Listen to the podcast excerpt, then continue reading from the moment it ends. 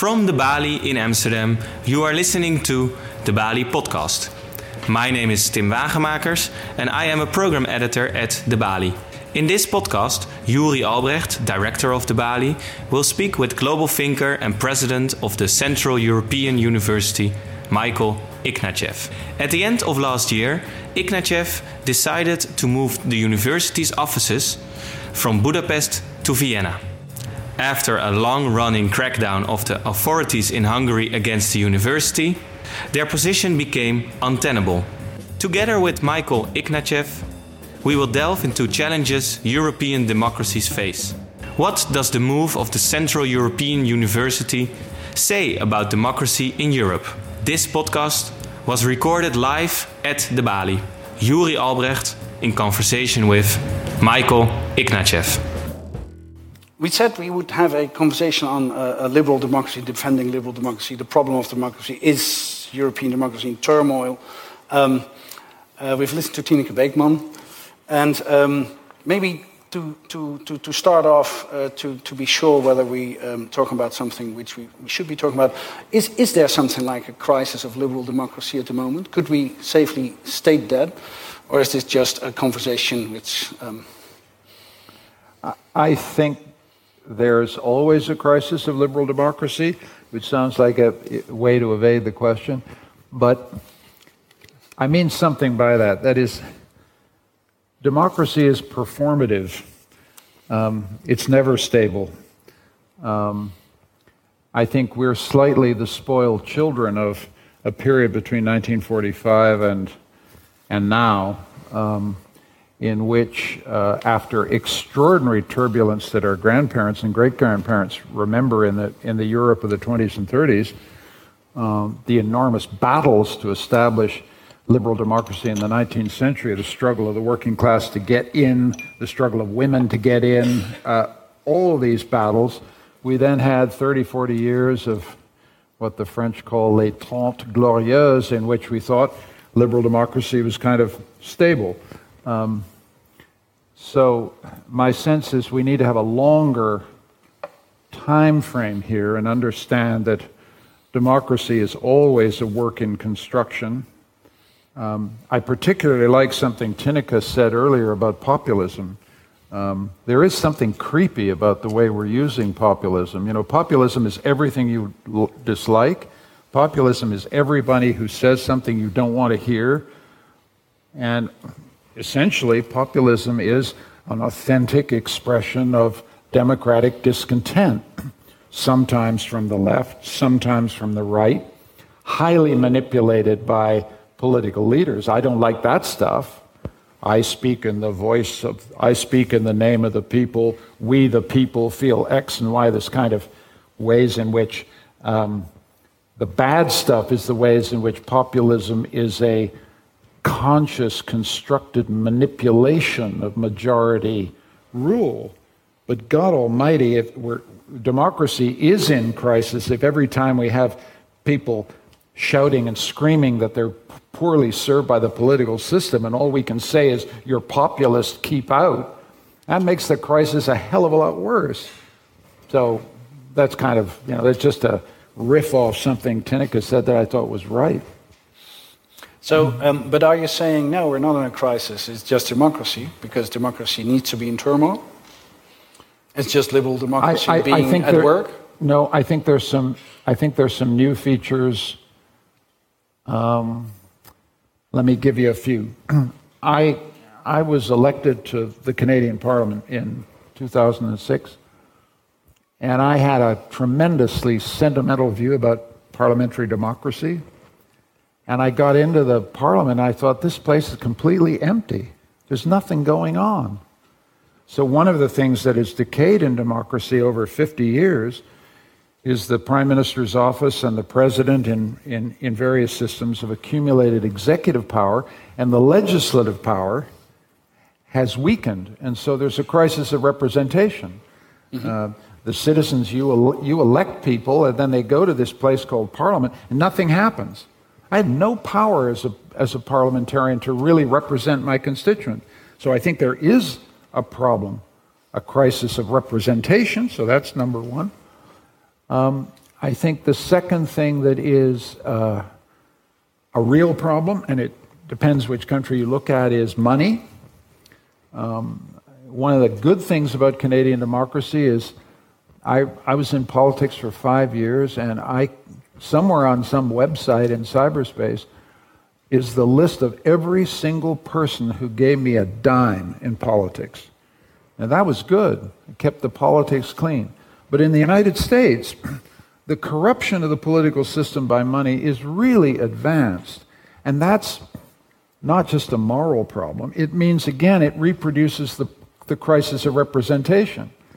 It means that rich people are represented a lot better than poor people. So that's number two. Then number three, and then I'll finish. Yeah, Not all my answers will be so long because I also want to make sure we get the uh, the people who've come to, to to talk and ask questions.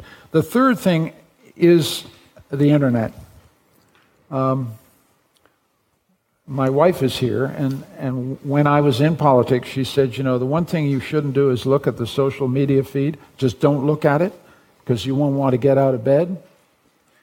Um, and she was right. I mean, just a complete, I mean, whoa, yikes. Um, now, the thing about that that's interesting is A, it discourages a lot of people from going into politics because it's kind of character assassination from the moment you get up to the moment, moment you go to sleep. So it pushes good people away from politics. That's not the really serious thing. The thing that is weird now about democratic politics is in a room like this where you and I are in an actual physical space together, and I'm looking at your eyes and I can see some of you, um, we're in a real relationship. and that sets up rules of civility and decorum and exchange. In the internet, what you have is systematic disinhibition of everybody through anonymity. Because as we know, you know, in the internet, no one knows you're a dog, you know, so, you know, this disinhibiting effect has, I think, contributed enormously to polarization, anger, ferocity, uh, and a de-responsibilization of discourse. That is, there's stuff I would never say to you face to face, right? Because we're, we're disciplined by a real relationship. Their inhibitions and yes. upbringing. And then, and, and then yeah. the final thing, and then I, I, really will stop, is the ways in which um, the filter bubble effect, the ways in which um, we're all in increasingly fragmented information streams, which create all separate and competing realities. It's very hard to run a democracy if what is a fact for you is simply not a fact for the person next to you. And then the third person has a completely other reality. And, and you meet in a democratic space in which no one shares common space and common ground. Now, it's always been the case that, you know, information is very partisan and there used to be Protestant papers and Catholic papers and, and this and Marxist papers and liberal papers, but it's really uh, I think uh, the fragmentation makes it very difficult for people to be in the same space and say, you know, here's the problem, here are the facts, here's how we get somewhere together, right? That, which is what the democratic thing is all about. So, all of that, I think, does mean that there's some specific features now that mean those are critical features. Mm-hmm. So, yes, but so you're saying, yes, there is something wrong with representation from the money point of view, from the lobbyist point of view, mm. from the, also from the institutional point of view, the fact that the parliaments don't have real power, the executive, mm. uh, the, the power shifted to the executive. So we do have a crisis of liberal democracy. Um, but it's not the normal way. I mean, because you did agree with Tineke Beekman saying um, it's not a populist who, yes. who forced, who, who are the real crisis. It's not the it, it's not that you've got um, it's not that you've got you know Marine Le Pen is not the problem with democracy. In fact, what you could say about Marine Le Pen is she's in the tent. She's still in constitutional politics, just at the right at the edge. The AFD mm-hmm. is right at the edge of constitutional politics, by which I mean she does not overtly advocate violence. She does not overtly preach hatred. Some of her people do. AFD flirts with stuff that is extra parliamentary. Mm-hmm. But I don't think that's the crisis. I think the crisis is much more in the center of the institutions. It's the fragmentation of our information systems, mm-hmm. and it's the erosion of, of the liberal institutions themselves. And then there, I, would add another thing, just since you got me going. Yeah, that's um, one of the reasons is, we have um, here. is, I think, tremendous strain, and I think Tineke raised this about the balance between majority rule and minority rights. It's a tremendous unease now about democracy is not majority democracy is majority rule balanced by minority rights. Yeah, it's a rule of law and it's yeah, and, the voting. And, and there's a lot of resentment at the in the majority at the rights that minorities have. This is there's a re, it's really scratchy, and some of it's got scratchy because a lot of the minorities are newcomers so the question of do you really belong? Are you really one of us? Why should I give you rights? Rights are earned by being born here. You know, all that kind of stuff. Those are real tensions and strains. And we need to again remember historically, you know, in Canada, we think of Canada as a place that's been multicultural forever. Forget about it. Canada changed the immigration rules in 1967. In the Toronto that I grew up when I was a kid, everybody looked like me, right? In 2034, I will be a minority in the city in, I, in which I was born. In the space of 75 years, the, the composition of my country has been dramatically changed by something that's very recent. I'm not surprised that people are scratchy, uneasy, uncertain, unhappy with it. I think in Canada it's been a rip roaring success. It's actually been really worked well, but it doesn't work well everywhere. And it's a subject which you have to have a constant democratic debate about about how far you go with tolerance, what should be allowed, what shouldn't. Our societies are not hotels where you check in and check out anytime you want. They're, they're communities, they're traditions of the, the dead, the living, and the yet to be born. And that sense of being part of something that goes back in time is very precious to people. And so you want to make sure that as political communities develop, you have citizens who think, yeah, I'm, I believe that stuff. I'm, i feel part of it. And, and many of our newcomers feel it just as passionately as I do, but some do not. And so all that stuff is making democracy having a tough time. But we need to remember historically how recent this stuff is. But um, uh, Tineke Beekman also put the question: How open are we going to be to? Um, uh, how open do we have to be to the non-open? Uh, how mm. liberal do we have to be to the non-liberal? Mm-hmm. And um, not only um, uh, uh, maybe people who are, don't believe in democracy and come here to work and live, but also um, hinting to the oligarchs and to the influence they mm. can buy. They can buy into our society. You can add to that, of course, what you're just mentioning: the information problem on the internet. Mm um, how open is an open society and a liberal uh, democracy towards misinformation uh, uh, brought to us by oligarchs or mm. despots or mm-hmm. um, uh, non-free societies, might it be Chinese or Russians? Mm.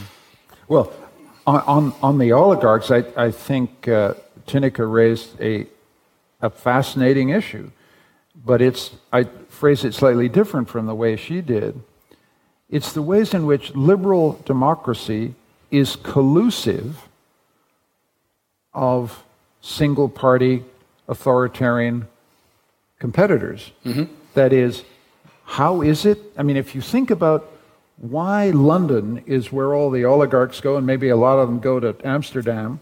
Not so much as London, but well, maybe, yeah. They go to, why do they go to the London? They go to London because there's rule of law. Mm-hmm. They go to London because exactly. they can offshore assets in London the same way Chinese oligarchs offshore in Vancouver. Now, what does that tell you? What that tells you is that they are not, their, their, their gains, ill gotten or well gotten, are not secure in Russia and China because these are not rule of law countries. Mm-hmm. These are single party autocracies where wealth is at the whim of the man in power. The man in power. And so they offshore in our countries with the consequence that it stabilizes those regimes back home. Yeah. That is, these guys think, well, I'll send, I'll keep doing business in Russia. I'll send my kids to, you know, a good school in Amsterdam or London. I'll put my property offshore. That's a bargain that Putin understands all the way down because the last thing he wants is a middle class and an upper middle class that lives in fear of the regime's capacity to confiscate their wealth. That would produce regime instability in Russia. And the, will for, and the will for, so, regime change. Yeah. So, so we're in this deeply collusive relationship with authoritarian regimes, and that should trouble us all. I mean, I, we're enabling I them. Mean, I would like to make it a little tougher to mm-hmm. offshore, frankly, um, because um, it's having a catastrophic effect on you know various markets that I care about, like house prices, and everybody cares about that.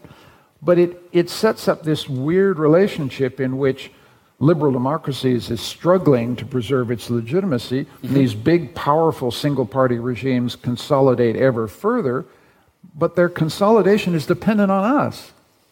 So that's a that's a issue. You had other you raised other uh, you raised other points. I, just to pick up something Tineke also said though about I think you raised the question of how open should we be? Yeah. We be well. I thought that was right in a way.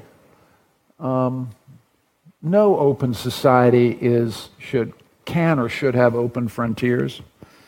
The condition of legitimacy for a liberal democracy is that citizens get to choose who becomes a member of the community, either by birth or by adoption, and citizens have every right to decide the conditions under which you become a citizen. If you come to the Netherlands, you got to learn the damn language, you got to learn all these crazy Dutch customs you have, and all this strange stuff that's part of the glory of this place. You got to kind of know who Rembrandt was and all that stuff. And it's entirely legitimate for, for societies to say, we're not open. We decide who gets in, we decide what the rules are. You don't play by the rules we, we can't have you in here. I mean, all that's, I'm totally, mm-hmm. and, and, and the weakness of, you know, liberals like my, myself is not to have been clear about that. We, sh- we should be clear about that. Um, it's, it's crucial to the legitimacy of democracy itself. But there's another thing that I think Tineke didn't talk about, and that's something that I see right across Europe, which, and this doesn't make me an open borders liberal, but I watch the ways in which compassion, mercy, generosity towards strangers has been turned into naivety, foolishness, and even betrayal of the nation. I mean, I'm, I am working in Hungary, and I see it, it's, it's really extreme there. This is a country full of generous, compassionate people who are made to feel like fools for having a feeling of solidarity towards a Syrian refugee who's trying to get into the country. One of the things, and, and this is where there, there's a politics I despise, which is um, a politics which builds power by preying on the weak, mm-hmm. by choosing enemies who are essentially too weak to resist, right? And you go at them and you pound them, and then what you're doing is you're trying to rework the emotions of the majority. Make the, make the majority rethink compassion and solidarity, generosity. Make them suddenly feel ashamed of it. I'm a fool to think, you know, we should let some Syrian refugees in. I'm a fool to let, you know, to have any refugees at all. None of them are refugees. They're all, they're all economic migrants trying to take my job. And, and there's been a coarsening of the emotions in liberal democracy, which is, which is concerning because liberal democracy is, is a set of emotions, it's a set of feelings of solidarity. I've got no difficulty with the idea that the core emotion in liberal democracy is solidarity to your own, solidarity to citizens, solidarity to us, even some concern or or even resentment or hostility towards them. Us and them is crucial to the definition of political community. But God Almighty, the last three or four years in Europe, and also you see it in the United States, this kind of poisonous preying on minorities. the, And, and the poisonous reworking of our emotions, so you end up being ashamed to be compassionate. And that seems to me really bad news. I mean, to have a United States president actually get up and say, we need a wall because every Hispanic coming across this border is a rapist and a criminal, makes you think, talk about a crisis of liberal democracy. That kind of language is poisonous, dangerous, divisive, because, you know, the country has 15% of the population is Hispanic, for God's sake.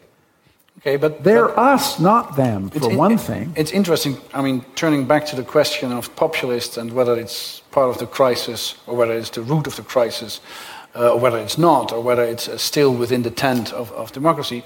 Um, um, you have been working in Hungary for many years now, and you've just announced in December that the Central European University, which is uh, your institution, you're the rector magnificus, we would say in, in Holland, but um, the, the, the, the, highest official of the, of the university, um, uh, is leaving there.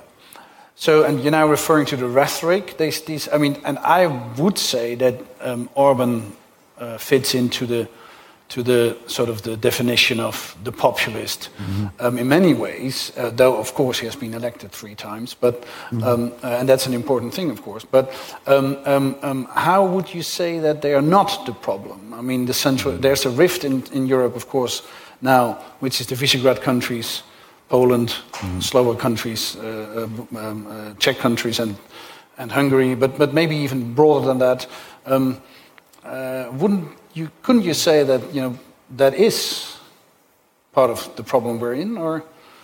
Well, you know, are there lots of Hungarians here? Got some hands going up.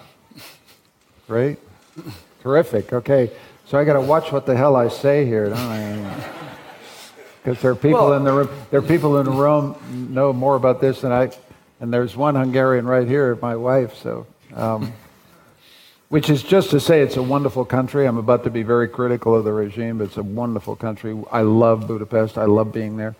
Um, yeah, he's part of the problem. I, I, I, think there's no point beating around the bush. He's, he's decided that we can't issue our, we've been there for 25 years, we can't issue our U.S. degrees. We'll have to go to Vienna to do it. I won't, don't get me started. I'm an old pub bore on that subject, go on for hours.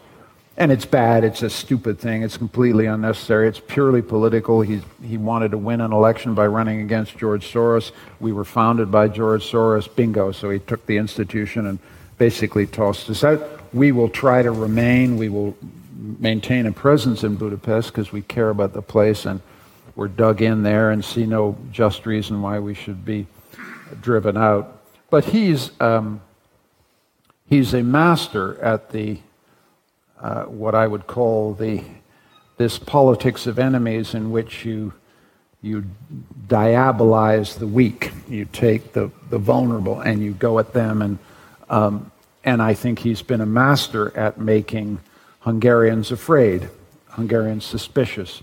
Um, and I put it that way because the alternative I don't like even, I don't, I like even less.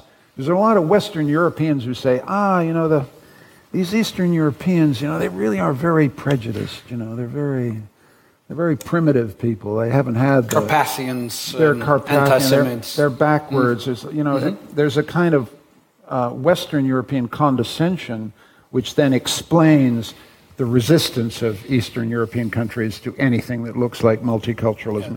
Yeah, Democracy is just yeah. not, not for them. There's some racism in Hungary, and it, it's unattractive, but it, it, doesn't seem to me we're talking about a, another category of human beings here. These, these are Hungarians or Europeans.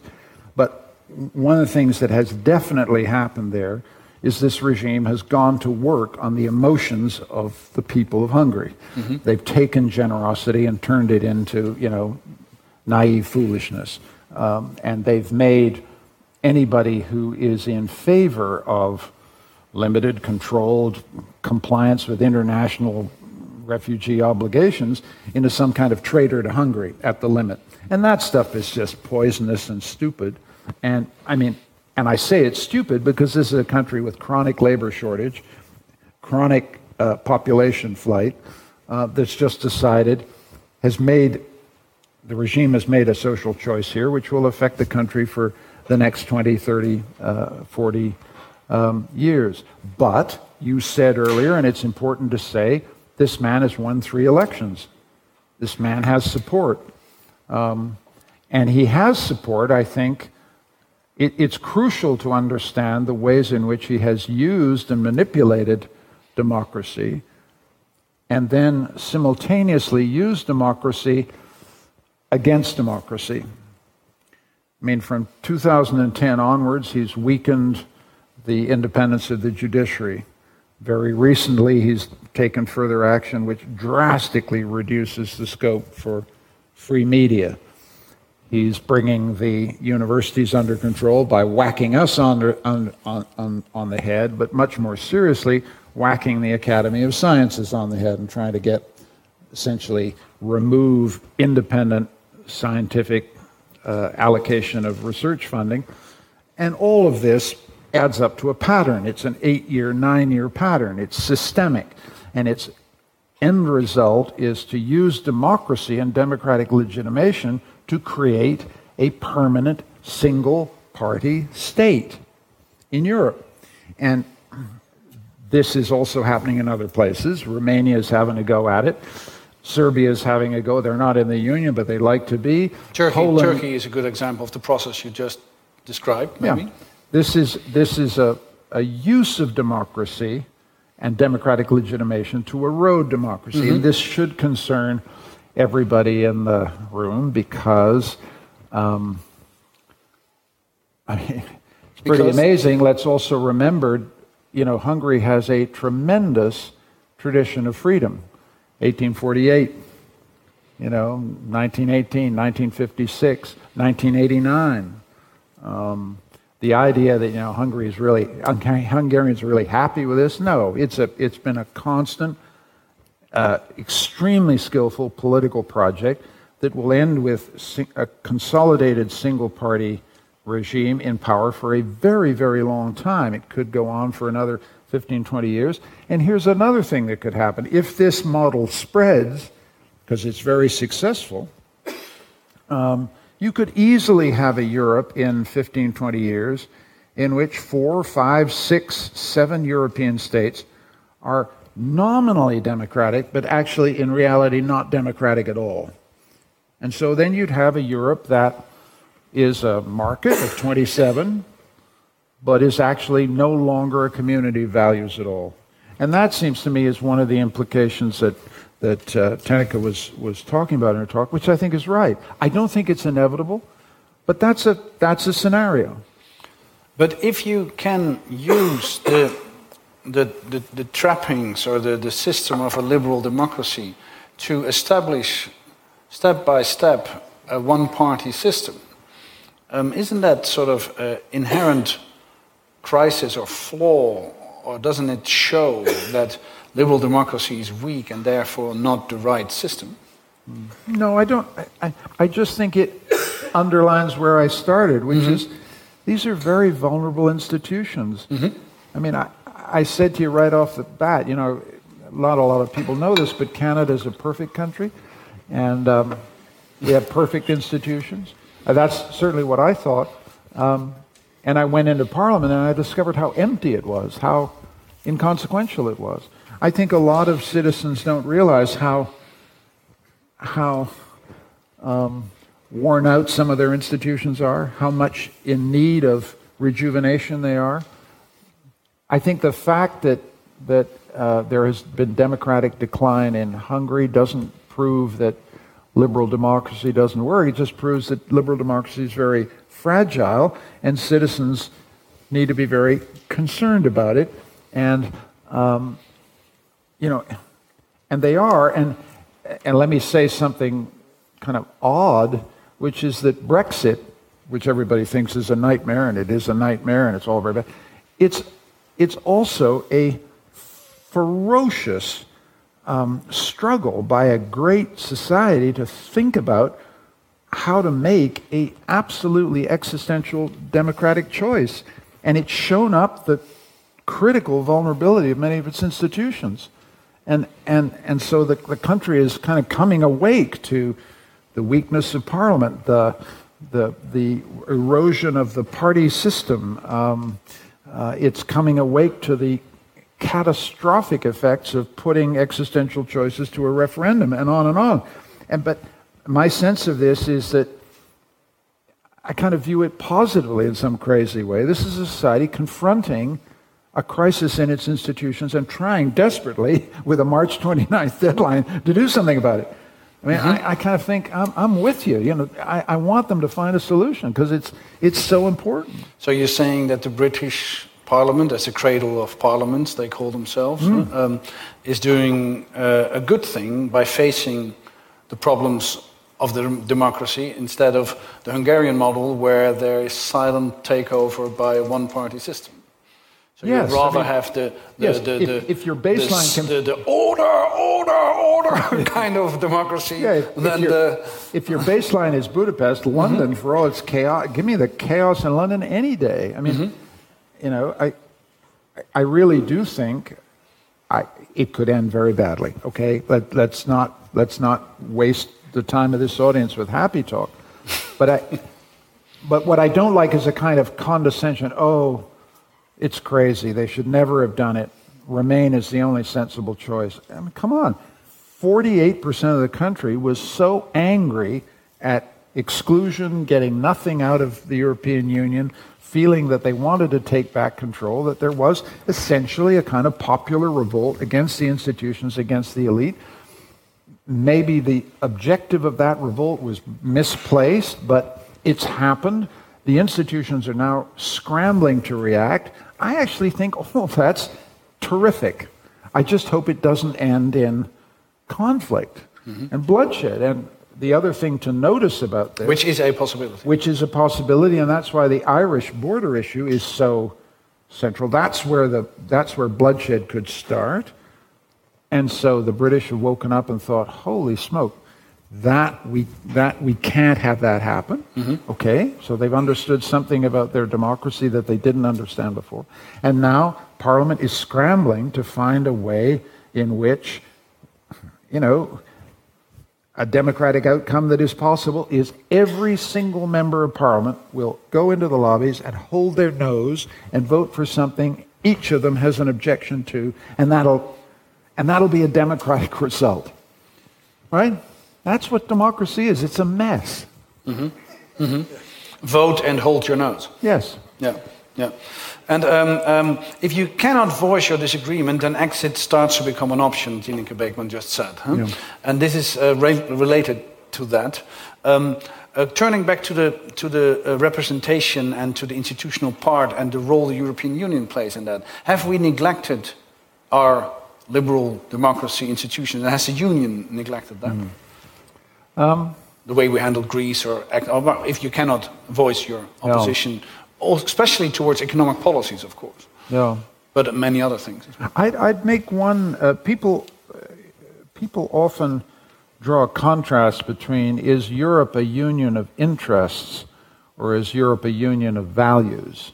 Mm-hmm. And I'm, I'm struck by the immense strength of Europe as a union of interests. One of the things that Brexit shows is that the 27 are, can be absolutely as one Adamant. in yeah. in yeah. in, yeah. Uh, in in enforcing and and um, emphasizing their interests, the interests that relate to economic harmonization and economic union. And another critical point is that they can be absolutely ferocious in enforcing those interests. I mean, just ask any Greek how ferocious Europe was in enforcing um, uh, economic compression on, on the Greek economy in order to save the euro. Europe just was, um, and that, that ferocity towards Greece raised enormous questions in Greece and enormous anger in Greece, which will last for a very long time, about the ways in which their democracy had simply been preempted by a, by a, uh, and they were faced with a choice of do you default and exit the Europe and Euro and then end up in economic outer space, or do you submit to an absolutely brutal forced devaluation, total control of your budget for a decade uh, in order to maintain the common currency of Europe? And Europe was unflinching and unrelenting in that dimension, okay? Mm-hmm. Then you switch to the values dimension. And there you see a completely different story.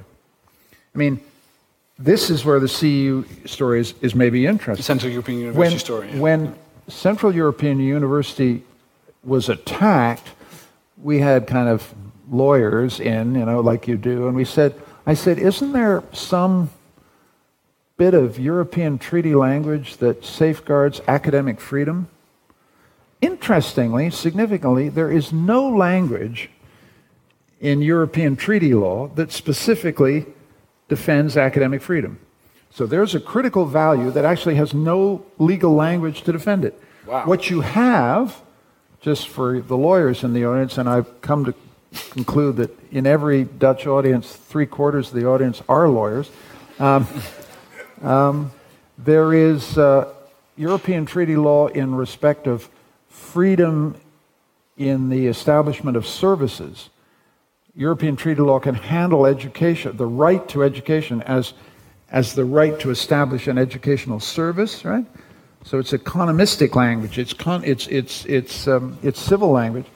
It's not rights talk, really, at all. So that's one example. But the second critical example is when you ask, will they enforce um, values like rule of law and academic freedom?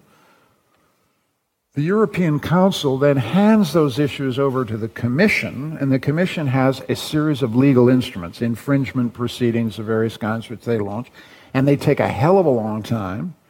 We challenge the constitutionality or the you know conformity of the law that was got us by the throat, you know, 16, 17 months ago, and the European Court of Justice is still considering it. And frankly, the case is vulnerable because precisely we don't have the kind of treaty law guarantees of academic freedom that you need to keep the shop open in Budapest, right? So, come back to where I started. Mm-hmm. You have ferocious, effective defense of Europe as a union of interests and extremely weak defense of Europe as a, a, community of values. Mm-hmm. And this sets up a permanent tension mm-hmm within the whole architecture, which is potentially very damaging because young people want a union of values. They think this is about democracy and freedom and academic freedom and this freedom and that freedom and rights and blah, blah, blah. And actually, the union is extremely weak in that dimension. It's ferociously strong on the economic side. And, and I think that is going to open up rifts and tensions that, you know, my answer would be I think we should strengthen the values side with some enforcement. Mm-hmm. And, um, and we all, you know, I, I have a, uh, you know, I, if you're in my position, you always have a kind of fantasy about how European politics works, which is that Angela Merkel picks up the phone to Viktor Orban. You know, you imagine the phone call and she says, Victor, uh, you get 4 billion euros every year in structural subsidies from the European budget. You get, a, a, you know, you get more per capita than many other European states. And, and by the way, all the German uh, uh, car makers yeah, yeah, outsource you're, In other words, Victor, you're doing yeah. really terrific, but we've got, you know, three or four problems. You know, we got this little university that's a problem, and we've got you know, you've gerrymandered the electoral system and you've kind of messed around with the courts and there's no, not enough free media. So, Victor, that's a problem for us. And I'm looking at this 4 billion euros and Victor, you know, I need a little help here, just politician to politician. I can't sell this stuff to my people. I'm not giving you a big lecture. I'm not big bag Germany. I'm just saying, politician to politician, it's really hard to help sell me, this. Help me out. It's help me out here, you know. And I, have a nice weekend, Victor, and I'll call you Monday morning. Yeah. this is not how it works, folks. That's that's what I'm that's what I'm here to tell you. And, and you just, I'm not, you know, I, I, But that's a good thing in many ways as well. Well, okay, that's that's what's interesting because what I've said this, what I just said now, once, mm-hmm. and it was reported in the Hungarian press as the language of an SS colonel. Oh, wow. Right? That is, that th- th- this, this language of, you know, have a nice weekend stuff was, was, was rough talk. And, and that's also significant. Why doesn't that fantasy phone call occur? Because European states do not want that call coming to their number, right? This is a union of sovereign states. There are very, very good reasons why the call doesn't occur. Mm-hmm. Despite the vast disproportion in the power of member states, it's a union of 27 equals, and there is zero likelihood that the Germans and the French will take the Poles and the Hungarians out for a little walk in the woods and say structural funds are going to be conditional on rule of law compliance. In my view, they say it's going to happen, but in my view, it's very unlikely to. And, it, and, and, and the point you're getting at your is, is right. It's not going to happen also for reasons of principle, which is this is a union of sovereign states that does not want that kind of conditionality to weaken the sovereignty of of any member state. So this is where we are, and this is why the, the, the interest, that is maintaining the euro, you've got, you've got unity there, but you don't have unity on the value side. That's very interesting what, you, what, you're, what you're, you're, you're, you're drafting. Um, you're saying um, it is an economic union with um, a, a, very uh, uh, with shared economic interests, and no shared European rights or mm. ideas or, or values, though it's been sold, of course, as the opposite. So, there's, so we're hitting here at a problem of the whole European endeavor because, it's, it's, because we believe in the propaganda of um, shared values and in fact it's shared interests. And if you start to believe your own myth or your own propaganda, um, you are in dire straits, of course. Yes, yeah, I couldn't put it better. That that's what seems to me the, the core yeah. core contradiction. I don't. I mean, I, I think that this is an unstable uh, contradiction. Um, it depends. Uh, you know, there's a European election in May. Mm-hmm. I hope these kind of issues are raised. I hope Dutch citizens raise these kind of issues and demand um, uh, if, if we want a Europe of values, then at the end of the day, values have to be enforced. I mean, the thing that is sickening in Europe is the blah, blah, blah about values. I mean, it just gets nauseating after a while. you know, and you think, how values depend on institutions. That values have to be enforced. You can't talk rights talk unless there's a court that can validate, enforce, you know, all that stuff. So um, this is a this is a big a big issue. But I'm not pessimistic, and I don't want to sound. No, no I don't want to sound. We're, trying to I don't want to sound. I don't want to sound sardonic and dismissive of Europe any more than I think Tenneke did. You know, we, you know, this is if you stand back from the history and look at it. You look at Europe in 1945 and you look at Europe in 2018, and it's one of the absolutely the most extraordinary successes anywhere in the world. It's a fantastic achievement, but it has this contradiction at the heart of it. I think it's strong enough to continue and grow. Um, there are people clamoring to get in. The Macedonians and the Greeks just did a good bit of business a couple of days ago, and I, I think anybody who cares about stability in the Balkans wants the Balkans integrated. But you, you can already hear Western Europe going, wait a minute, too fast, too fast, you know. So so the European project is still not finished, is what I would say. And I, I think um, we need to keep, we need to maintain the strongest possible commitment to it. Um, and if you look at uh, a liberal democracy, and, we, and we, we're, we're saying that there is a problem of representation, a problem of um, is the way forward to strengthen the rights of Parliament, European Parliament, um, to be practical, is that, or national and national parliaments and and out and, and make laws against uh, too much um, uncontrolled or un, uh, uh, non-transparent lobbying? Mm-hmm. I that, think I think that would, would that help. mitigate I'm, I'm problems we have. Absolutely or? terrible about the European architecture. I have trouble understanding it. You know, I mean, um, I think strengthening Parliament would be a good idea, but then you'd have to weaken the influence of the EPP, the the, the parliamentary group. I mean, the party politics in the in the Parliament are are a problem. It's a kind of job cartel. It makes it very difficult to make the parliament uh, responsive. I think it's going to take two, three, four generations before European parliamentary elections mean as much as national ones. I doubt, in fact, that they ever will. I think one of the things that is, you know, so interesting about politics is politics is remains intensely national. You know, I, I come to the Netherlands, I try and follow your politics, but I don't, I can't keep track of all the parties. I don't, don't know all the political leaders. I mean, it's the same in every country. You go to Portugal, it's the same thing. They're all intensely focused on Portuguese politics. You don't, you, you, you don't understand anything. You, you, folks come to Canada, you want to understand what the hell we're worried about. These are, you know, because politics, the passions of politics are related to language, culture, nation, identity. And I, I think it will always be the case that European politics will be. Um, you know, weak beer, you know, 3%, yeah. as opposed to, you know, national 7%. politics where the beer is, you know, 5, 6, 7%. Yeah, yeah, yeah.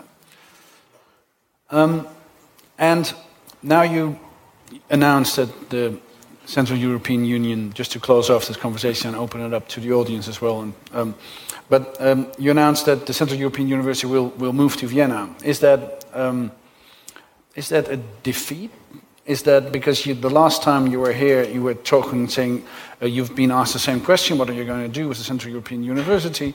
And you said, well, it will be a rough ride, literally, but we mm. will, uh, we will uh, do our best to remain, to mm. stay, not to remain, to stay. Um, is that, is that? I, I, I, think the honest thing is that, honest thing to say is it is a defeat.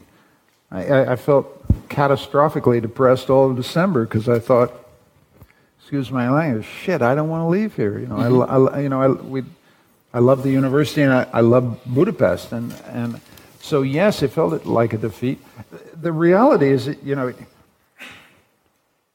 we cannot legally operate in Budapest. That's what people need to understand. It's just, it wasn't as if I said, oh, I, I can't rather, take it anymore, I'm go. going. Mm-hmm. We, we cannot legally operate as a U.S. institution.